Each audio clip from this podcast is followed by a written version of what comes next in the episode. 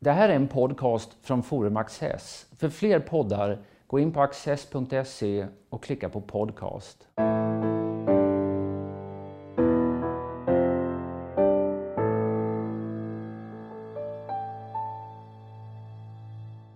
Välkomna till Studio Access. Min gäst idag är Mauricio Rojas, eh, författare, ekonomhistoriker, docent i ekonomisk historia, Lunds universitet. Varmt välkommen Mauricio. Tack så mycket PG. Ja, du, har, eh, du är en internationell person. Du har, eh, du har varit aktiv i svensk politik, du har arbetat i Spanien. Och som du fortfarande är så delar du din tid mellan Sverige och... Men nu är du mycket i Latinamerika. Ja. Chile framför allt. Just det. Och när du nu betraktar Sverige från ja, spansk horisont och kanske ännu mer latinamerikansk horisont, ser du någonting annat då än du såg när du bodde här hela, mer permanent? Ja, visst. Det, det, det har förändrats, den här bilden av Sverige, i en positiv riktning. Och det är saker som eh, eh, korruption, att den är så begränsad i Sverige. Att institutionerna fungerar på ett bra sätt. Det där saknar man så mycket i Latinamerika. Det saknar man också i Spanien. Det, det, det, det stora politiska problemet är inte höger eller vänster i Latinamerika utan det är korruption, det är banditer, det är den typen av saker. Och då, då är Sverige eh, eh som kontrast väldigt gedigen. Också den det politiska kulturen, den som är så tråkigt också, det här att komma överens och samförståndsanda, alltihopa detta. Eh, I, I Latinamerika, Spanien, det är tvärtom. Man ska överdriva, man ska polarisera, man ska hålla sig till ideologierna och sånt. Och, och då, då uppskattar man verkligen det svenska. Eh, för att det kan leda till stora förändringar, som de vi gjorde från 90-talet och framåt. Eh, på, på, ett sätt som inte skapar så stora konfrontationer och där alla kommer till insikt att vi måste återigen hitta en väg som är gemensamt. Och det är stort av Sverige. Det är också lite kvävande rent politiskt och det är klart att det har sina nackdelar men, men de fördelarna kommer, kommer eh, bli väldigt synliga när man tittar från latinamerikansk eller spansk horisont. Så vi eh, ser ju nu, det är ju mycket diskussion om eh, ifall det pågår svartmålning av Sverige eller om det bara handlar om realism och det är väldigt mycket rapportering om brott och utanförskap och skjutningar och sånt här. Men du tycker att det här ter sig ändå mildare? Än... Eh? Nej, det, det gör det inte. Det, det, är riktiga och viktiga problem. Jag pratade inte om det, det svenska ekonomins styrka som är också någonting väldigt eh, eh i europeiskt sammanhang nästan unikt, att vi har en så stark ekonomi. Men de här andra problemen finns där, de är stora. Eh, eh men när man, när man lyfter fram också styrkorna i det svenska så att säga, samhällsbygget då, då, då börjar man tycka att man kan klara av de här andra problemen. Men då krävs det väldigt mycket mod och, och eh, att göra saker och ting som kommer att göra ont också. Eh, här behövs inte snälla snällister utan tuffa eh, eh, politiker som gör det som ska göras, som borde ha gjort för länge sedan antagligen. Men ja, länderna mognar till de här uppgifterna lite långsamt och det har också Sverige gjort. När man går till väljarna och frågar vilka, vad tycker ni är de viktigaste frågorna nu, då har ju eh, ekonomin och arbetsmarknaden och sånt här har sjunkit undan väldigt mycket. Utan nu är, eh, svarar väldigt många eh, integration, invandring, lag och ordning och sådana saker. Är, är det din bild också att det är de största utmaningarna ja, för Sverige? Absolut. Och det här återspeglar en viktig förändring i svensk politik. Innan vann man valet om ekonomin gick bra. Det var det traditionella under mycket lång, lång tid. Nu är det identitetsfrågor, frågor om vilka är vi, nationen, eh, gemenskapen som är mycket viktiga frågor som en regering kan förlora ett val. Även om man har ett strålande ekonomisk eh, tillväxt, om man inte kan på något sätt skapa den här känslan att det här landet fungerar som en gemenskap inte som det gamla, för att det är omöjligt att återuppliva det där som var baserat på en mycket homogen befolkning och mycket stark nationalstat som har försvagats också mycket. Men ändå någonting som klarar i globaliseringens och migrationens tid att skapa den här grunden av gemenskap som många människor saknar idag, tror jag. Det här nationella projektet som vi kan vara en del av, både gamla och nya svenskar och allihopa, så att vi, vi blir någonting tillsammans. Mm. Du är, ju, du är en person som är en internationell person, får man säga. Du verkar i många olika miljöer. Men du har ändå i flera artiklar sånt där betonat vikten av det nationella. Hur, hur, ser du på relationen mellan internationalism och, och nationalism? Men, men de går ihop. För att när vi upplever den här enorma globaliseringen, att nationalstaten har tappat den här enorma kontrollfunktionen.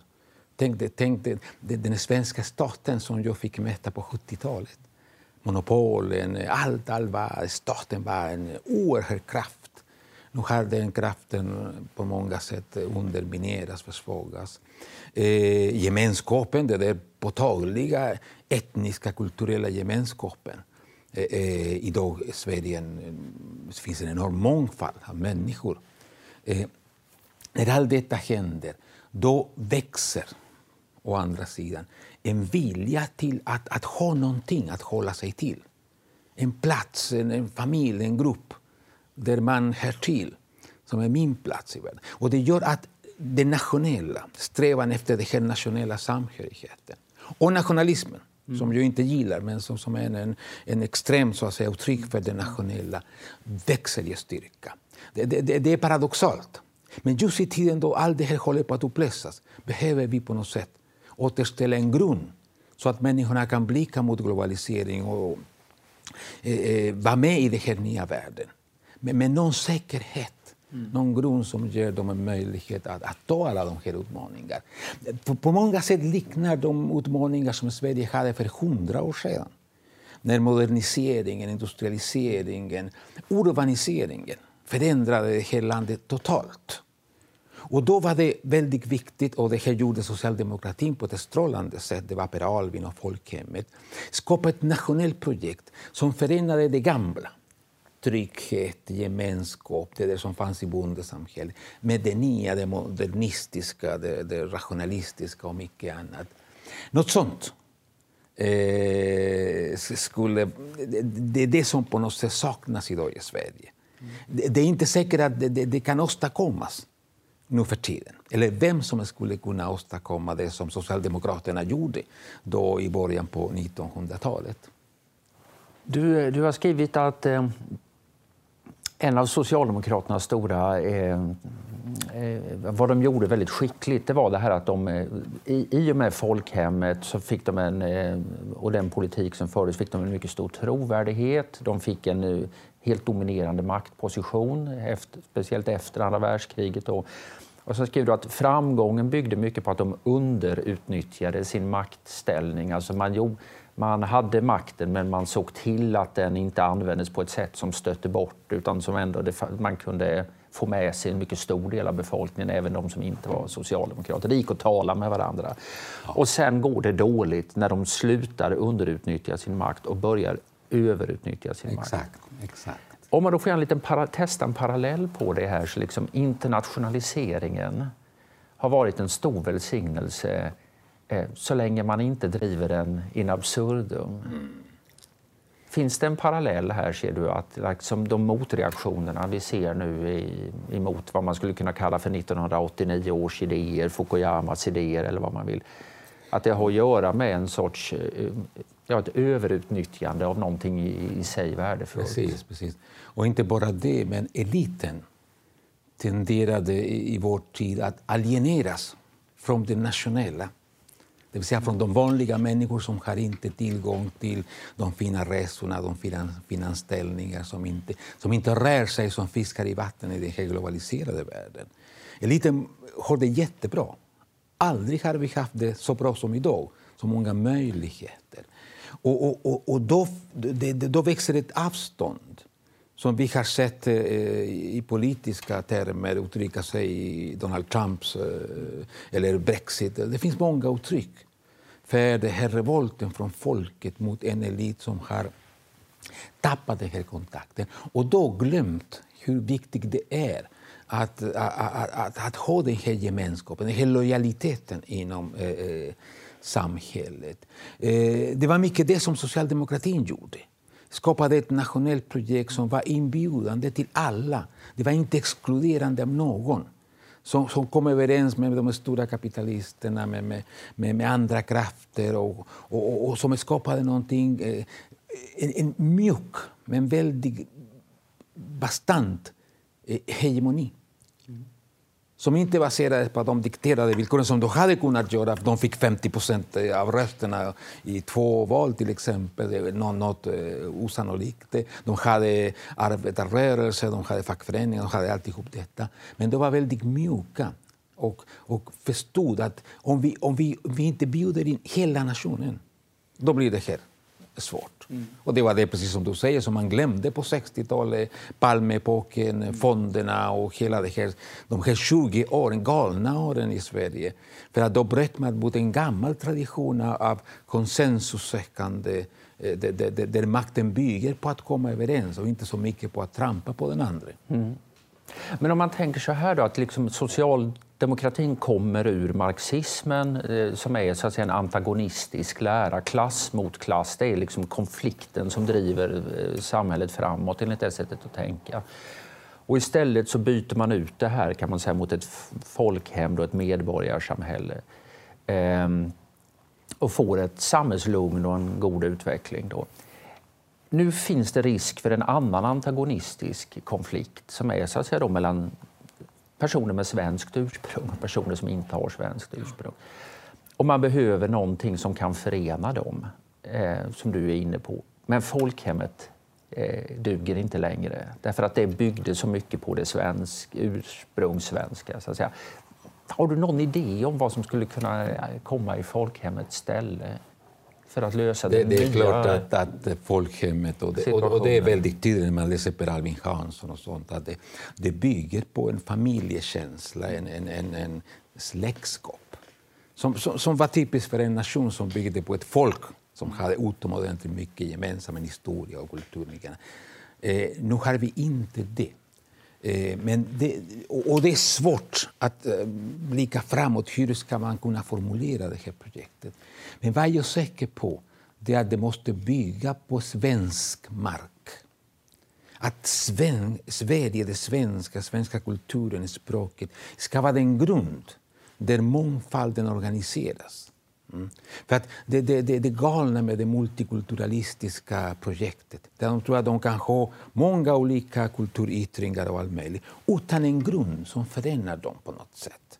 Utan en gemensam arena för att kunna träffas och en grund av eh, idéer och referenspunkter. Det tror jag det är väldigt viktigt och jag är väldigt glad när jag ser politiker som um, Ulf Kristersson till exempel och andra som börjar att säga det här tydligt. I Sverige talar man svenska, sa Ulf. Mm. Vad bra, tyckte jag. Äntligen någon som säger så självklara, så viktiga saker. Och, och det viktiga är inte kanske att ha ett färdigt projekt men en färdriktning. Så att människorna säger nu äntligen har vi ett ledarskap som har fattat att vi måste ha någonting ihop som, som förenar oss på riktigt. Att det kan inte vara en, en, en, en mosaik av olikhet utan en ram mm. som ger en gemensam ordning till den här mosaiken. Så det, det, det, jag tror att eh, Per Albin hade inte heller färdigt folkhemsprojektet 1928. Men han hade en idé som var mäktig, en metafor som var mäktig. Som sen fylldes med olika innehåll och utvecklades på olika sätt. Men, men själva metaforen, själva inriktningen, är det som vi, vi, det fattas idag.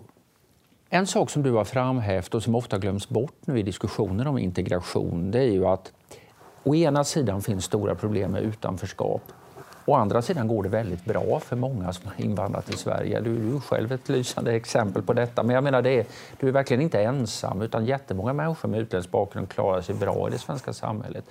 Är, det. Finns där en outnyttjad resurs i eh, integrationsarbetet? Ja, definitivt. För att, för att kunna bryta utanförskapet och vända på den situationen, då behöver vi krafter som växer inifrån de, de, de grupper som har kommit till Sverige och som har, som du säger, många framgångsrika människor. På, på, på, på ett visst sätt är den svenska integrationen en jättesuccé. Vi har lyckats integrera hundratusentals människor på ett utomordentligt bra sätt. Men vi har misslyckats med tillräckligt många. Mm. Och nu växer det här antalet antagligen med den nya invandringen från 2015. Att det blir ett jättestort samhällsproblem. De här krafterna måste på något sätt förenas. Och jag är väldigt glad när jag ser de debattörer som Alice Teodorescu eller eh, de här bröderna från Iran, vad heter de? Då? Sanandaji. Sanandaji och så många andra. Ja. Det, och, och, hur de talar också. Öppet, rakt. De utmanar det svenska... Jaha, du vet, det här, vi ska inte säga hur det är, för det, det, vad ska vi göra med det? Något, något konstigt. Eh, för att det här måste komma inifrån.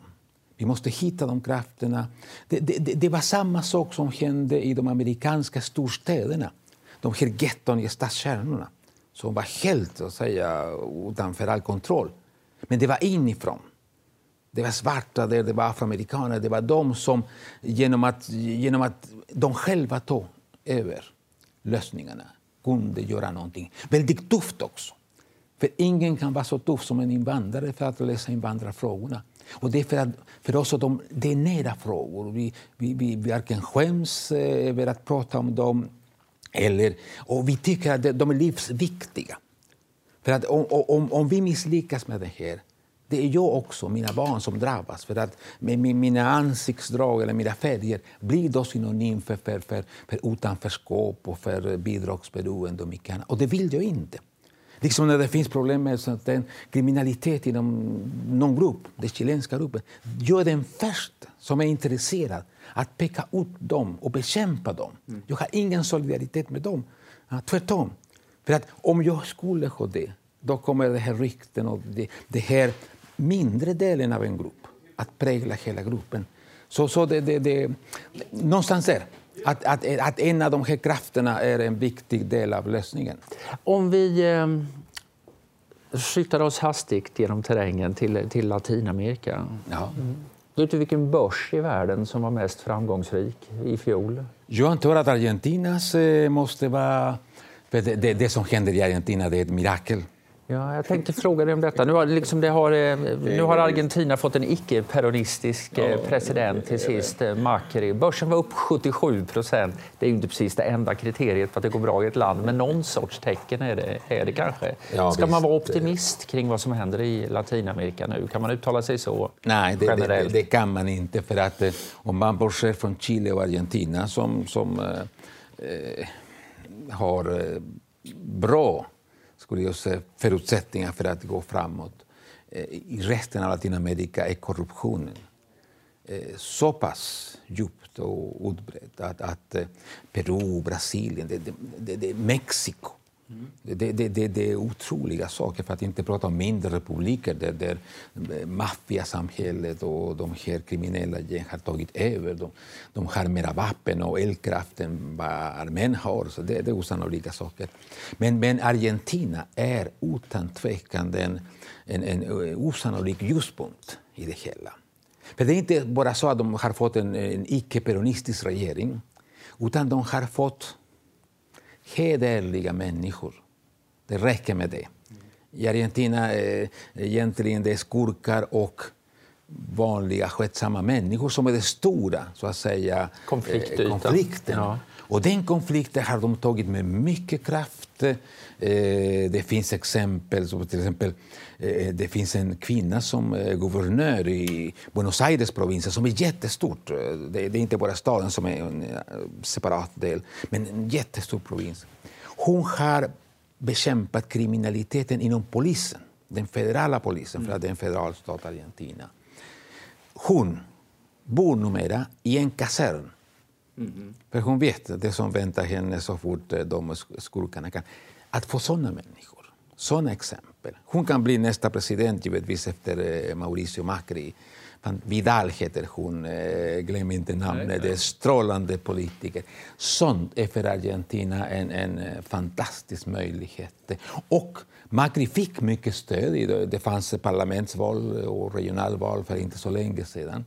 Efter en mycket svår och tuff ekonomisk period som nu håller på att bli mycket bättre, men det var tufft eh, de första ett och ett halvt år ungefär. Trots detta vann de mm, stort, nästan i hela Argentina, så där finns mycket hopp. Ser du några kan man tala om strukturella rörelser här? För det, det fanns ju en tid. Först liksom, eh, så fanns en sorts, eh, jag, jag vet inte, nyliberalism, utslitet ord, men en ekonomiskt liberal ja. eh, tendens i alla fall. Och sen ersattes de och allt man hörde från Latinamerika, det var Korea och det var eh, Chavez. Eh, Chavez i Venezuela och eh, Evo Morales i Bolivia och så här. Och nu hör man ja, i Venezuela, vi kan komma tillbaka till det, hör man ju en del om, men i övrigt hör man inte så mycket om detta. Utan man, nu hör man igen om mera positiva tongångar. Du har varit rätt optimistisk om Peru också tidigare, ja. men, det, men kanske inte nu längre. Nej, för att presidenten gjorde någonting som är oförlåtligt. Och det var att alliera sig med en skurk som är förre diktatorn eh, Fujimori. Mm. Mm. För att kunna stanna vid makten. Okay. För att eh, Fujimoris parti hade majoritet med andra och kunde avsätta presidenten. Eh, och för att rädda sig eh, gjorde han en allians med en del av en, en, en son till Fujimori. Dottern är ledaren för mm. familjära Familjeföretag, ja. Men, men det, här var, det, här var, det var en kollaps rent moralisk. Mm. Och, och, och, det enda som Latinamerika inte behöver det är att moralisk. De som på något sätt representerade en, en förbättring där ska också falla i samma typ av... Så det, det Peru tyvärr, och, och, vad som kommer att hända det är mycket uh, ovisst. Trots att Peru har gjort enorma framgångar ekonomiskt. Mm. Det har varit, och om det ekonomiskt finns det någon eh, framgångsrikt land, det är Peru faktiskt i Sydamerika. Men vi får se politiken kan sabba det, det hela. Det, det, det har hänt förut. Ja. Men, men om man ser till den här strukturella rörelsen, går det, finns det några ja, trender eller tendenser? Det, finns något väldigt mm. tydligt. När vi fick den här stora exportboom där priserna gick upp. Det var en mycket lång exportboom, 10-12 år med osannolika priser för allt som Latinamerika exporterade. Då växte populismen också. För populismen bygger på att man har väldigt mycket inkomster som man kan fördela. Eh, det, är en fördelning, så att säga, eh, eh, rörelse kan man säga, mm. där en president eller någon med mycket makt ja, börjar dela, fördela och angripa det fattigdom och de problem som finns men på ett sätt som är inte hållbar i längden men mm. som ger en enorm politisk effekt. Sen kallar man till en konstituerande församling, ändrar författningen och då har vi Chavez och vi har alla de här personerna. Eh, när det här tog slut, och det tog slut kring 2014-2015, när priserna gick ner då kollapsade alla de här populistiska eh, eh, regeringar. Eh, Kirchner eh, i Argentina och därför fick vi det här nya. Också i, i Brasilien en, en stor del av mm, det här fallet för eh, arbetarpartiet, som det heter, eh, Lula och eh, Dilma Rousseffs parti hänger ihop med den här förändringen och att eh, Brasilien har en djup ekonomisk svacka just nu, eller har haft det under flera år. Så det är klart att populismen behöver mycket pengar. Man, behöver, man, man, man blir populär på det viset. Och populismen funkar inte när det inte finns såna villkor. För att då öppnas det en, en, en, en, en väldigt viktig konflikt. Den latinamerikanska populismen har kommit till makten genom att vinna val. Inte bara ett, utan många. Mm. Mm.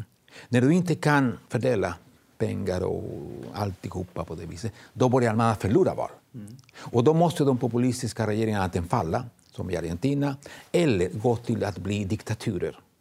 Som, Regelrätt, som i Venezuela. Ja. Det är svårt att, att hitta något annat, för man har inte längre den, den, den, den folkliga stöd. Man kan inte vinna ärliga val. Då måste man välja låter Johanan regera eller går jag till, som i Venezuela som är det mest tragiska exemplet, och då blir det diktatur. Det är inte bara Argentina som du har fått en ny borgerlig kan man väl säga, regering utan det har även eh, Chile, eller ja, Chile är på väg att få det. Det har eh, inte riktigt hänt ännu. Men det var val före nyår och Sebastian Piñera som då var ja, center-högerkandidaten eh, blev vald och Socialistpartiet förlorade makten. Hade det likartade förklaringar? Nej, inte, inte, inte, inte på så sätt. För att den, den, socialistiska regeringen är inte en populistisk regering i den vanliga latinamerikanska bemärkelsen. Men de gjorde saker som drabbade den chilenska ekonomin som har varit strålande stark under mycket lång tid. eh, under de senaste fyra åren i princip. Och det var för att man, man, man inriktade sig på ett ifrågasättande av hela den chilenska tillväxtmodellen. Lovade en ny författning till exempel. Man skulle, göra, man skulle göra om landet från grunden. Och det finns ingenting som, som avskräcker så mycket investerare och de som kan satsa på framtiden än att inte veta hur framtiden kommer att se ut. Så, så, så, så det, det, det, det, det kom ekonomiska problem. Landet började polariseras alltmer mellan de som ville fortsätta i den framgångsrika vägen och de som ville förändra. Eh, och, och, och det här, eh, när ekonomin inte fungerade bra, det, det, det, det gjorde slut med den socialistiska så att säga, dominansen. Mm. Och, och Sebastián Piñera fick den här andra chansen att, att, att regera. Och nu i mars är det inte bara Sebastián Piñera som ska flytta in i presidentpalatset, utan det ska även du göra. Ja, jag, jag ska... Ja, du ska börja arbeta åt eh, den chilenske presidenten. Vad, vad ska du göra åt honom? Jag, jag har samarbetat med honom. Jag har skrivit ett par böcker av samtal med honom. och sånt. En när han var president mellan 2010 och 2014 också. Så vi har utvecklat en rätt så bra relation, eh, inte så där personligt utan professionellt. Och då ska jag fungera som rådgivare till presidenten i det vi kallar för strategiska eh, frågor. Också vad gäller innehållet i, i de, de stora talen, den, den, politiska linjen så att säga. Mm. Så eh, i, i La Moneda-palatset finns den så kallade andra våningen. Där sitter presidenten. Mm. Och I andra våningen ska jag sitta också någonstans där Eh, eh, Eh, eh, bland de många människor som hjälper. Presidenten är en väldigt stark eh, gestalt i alla latinamerikanska länder så, så han har en stab där människor. Jag ska vara där och hjälpa till så gott det går. Det gäller att verka men inte synas givetvis för att då, då, då står man bakom någon annan. Eh, mycket analys, mycket funderingar kring hur ska man utveckla landet. Eh, men det, det känns jätteroligt och spännande. Det är en lång resa du har gjort sedan 70-talet. Ja. Eh, och, eh, då också presidentpalatset stod i, stod i centrum. Ja, ja, ja. ja men, men i Sverige var det mycket att synas. Men jag kunde inte verka så mycket. Och nu ska det bli tvärtom? Men ska det, vi får se om jag klarar det. Det är en utmaning. Mauricio Rojas, stort tack för att du har varit med. Ja, men tack så mycket. Tack. Och här kommer några extra minuter med mig och min gäst. Men det måste ju väcka väldigt... Jag menar, du eh, lämnade Chile i kuppen 73. Allende var president. Ja, visst, visst. Eh, och eh, Pinochet flyttade in. Och nu kommer du tillbaka liksom, ja, nästan 50 år senare, 45 år senare. Men liksom, vad, vad väcker det för, för tankar hos dig? Ja, men det, det, det, det är ganska märkligt egentligen. Det, för att eh, jag, jag satsade väldigt mycket på att bli svensk på, mitt sätt. Det, det, det, det blir aldrig hundra procent. Men jag studerade Sverige och gjorde en karriär här och mycket annat. Du vet mer om Sverige än de flesta? Ja, jag, jag har tvungen till för att kunna göra någonting här. Och, men det blev väldigt stort nederlag när jag inte fick verka vidare och sånt. Eh, eh, och då fanns det bara ett sätt att inte bli bitter och gå där någonstans och muttra och vara arg med Maud Olofsson, vad vet jag? Såna, såna saker. Och det var att ta tillbaka det här, min, min, det spanska som språket. Och, eh, eh, Spanien var först en fantastisk bro, så att säga, och sen Chile kom. Och då får man en andra chans på riktigt att utveckla något annat och bli betydelsefull någon annanstans. Och också utnyttja de erfarenheterna man har fått från Sverige som för mig är mycket, mycket viktiga som jämförelsepunkt. Det är en fantastisk utsiktspunkt för att analysera också Chile. Eh... Ses du i någon utsträckning som svensk nu i Chile? Eller hur, hur, hur uppfattas din svenska förankring där? Ja, ja, ja. Det, det, hela tiden nämns att jag var medlem i det svenska parlamentet, till exempel i riksdagen. Det, det, det ses som en väldigt konstig sak att, att, att kunna göra sånt. Eh, så det finns alltid en referens och jag, jag är docent i, här i Lund, har andra också saker i Chile, men de här är mina viktiga. Och jag, jag tror att det, det, det, det, uppskattas på något sätt också att genom att komma utifrån, mm. inte vara med i de traditionella gamla så vad ska vi säga, familjebråk mm. i, som finns överallt. I, i, och kunna komma så, så med, med, med en, en blick också som är lite annorlunda. Så det, det uppskattas, tror jag. Jag fick ett stort ansvar vad gäller att, att skriva eh, regeringsprogrammet. Jag, det, det, var jag som skrev programmet. Jag fick givetvis från, det fanns 20 olika kommissioner och det jättearbete så det var inte jag som hittade på sakerna. Mm. Utan jag fick ett ansvar att, att få det redaktionellt, en, en, en berättelse som hängde ihop. Och, och, och det var en jätteintressant eh, uppgift det här att, eh, att utveckla skrivandet och just den här delen av... Eh, så, så, det, så har det varit. Det här låter jätteintressant. Alltså det, det, det, var okänt för mig att du har varit eh, aktiv i att formulera den nya regeringens program. Ja, visst, mycket aktiv. Vad, vad har du satsat på i det? Vad är det viktigaste som Pinera nu ska förverkliga? Det finns en mycket viktig idé om, om, om att återena nationen. Vi står i samma, samma, inför samma utmaning. Eh, för att eh, det var ganska mycket splittring och polarisering under eh, Michel Bachelets eh, regering. Så nu gäller det att få igen en slags konsensus mm. kring de stora linjerna i utvecklingen i Chile. Det, det, det, är, det är A och O i, i, i den politiska uppgiften som vi har framför oss. För medan den chilenska högern har så att säga modererats kan man väl säga, ja, så har den chilenska vänstern radikaliserats. Tyvärr, liksom det spanska Podemos, det finns, mm. den, chilen, det chilenska Podemos fick 20 procent av rösterna. Det är mycket. Mm. De, de hade inte ens ett år av existens som, som, som, som grupp. Men för att återvända till den svenska likheten. Nu gäller det för oss att underutnyttja vår maktposition för att bjuda in andra. För att eh, Piñera vann en, en stor seger eh, den, den 17 december fick 55 procent av rösterna. Det var, och eh, vi har en ganska stark läge vad gäller också parlamentet. Men det gäller att vara ödmjuka, bjuda in, göra det som Socialdemokraterna var så bra på att göra på 30, 40, 50-talet. Det är en nyckel. För att det som man måste undvika det, det är att oppositionen blir den radikala vänstern. Mm. Vi måste ha ett samtal med, med, med en sansad socialdemokratisk vänster som vi inkorporerar i. Vi måste alltid prata med dem. Vi, vi, vi har olika åsikter om många olika saker. Givetvis det är naturligt så. Men, men, men, men vi måste skapa det här, jag säger det som en flod en flod för att fungera bra så att säga behöver två vad heter, stränder. Mm. Och de måste gå ungefär så parallellt. Och vi har bara en stark strand och på andra sidan finns ingenting. Då kommer vi att få en översvämning förr eller senare. Så, så det är det som är den strategiska uppgiften.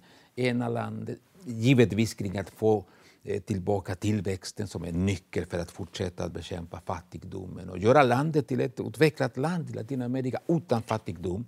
Det är vårt stora mål så att säga inom 8-10 år. Eh, Chile ligger inte så långt från det här eh, eh, eh, målsättning.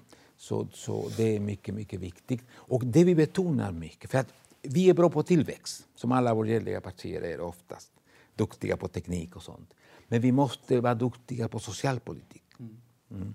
Så vi, vi kommer att få en, en mycket stark socialminister som kommer att sitta i La Moneda-palatset och kommer att ingå i den så kallade mindre kabinettet. Det är, det fyra, fem ministrar bara. Och den här mannen kommer från, från, så att säga, från Svensk Näringslivsledning. Tänk om, om ordförande där blir socialminister.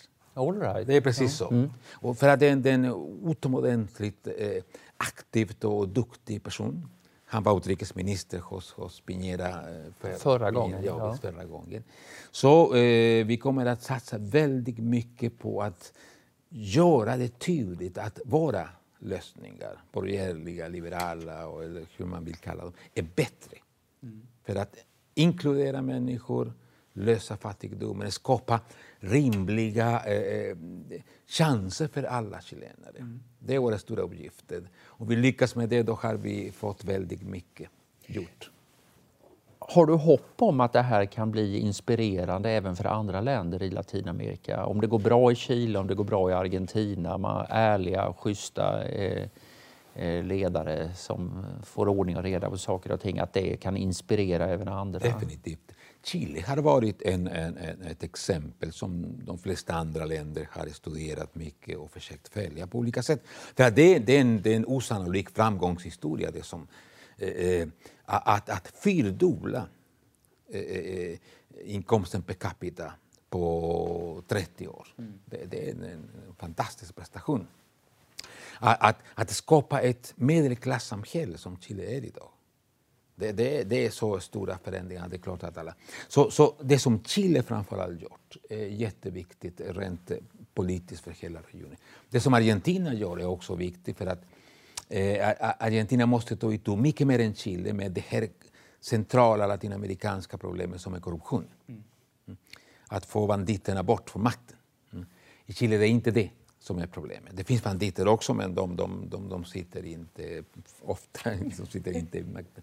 Nej, men det, det, det är en stor, Chile har institutionella förutsättningar som är ganska unika i Latinamerika och det är en stor del av vår fördel. Så de här två länderna kommer att vara jätteviktiga i en period då de flesta latinamerikanska länderna, tror jag, tyvärr, kommer att hamna i en stor oreda beroende på att regeringarna har inget förtroende, att det är banditer kontra banditer och så vidare. Brasilien är ett skrämmande exempel. Ja, det ser väldigt illa ut i Brasilien. För att inte prata om andra länder som, som Mexiko, det, det, det nästan spelar ingen roll vem som regerar, utan det är banditer som regerar eh, på riktigt eh, i varje stad och sånt. Så, så Latinamerika, just Argentina, Chile är jätteviktiga och eh, samarbetet kommer att vara väldigt Eh, stark mellan dessa två länderna, säkert. Mm. Det ska bli intressant att se om även de europeiska kommentatorerna och intellektuella till sist blir mer intresserade av modeller som Chile och Argentina än.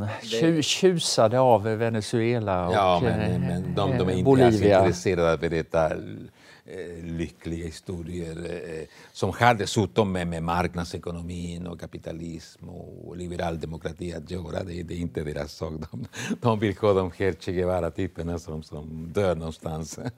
Man lever ju på hoppet att detta en dag ska ändras, men vi, vi får se. Stort tack Mauricio. Tack så mycket Fiji.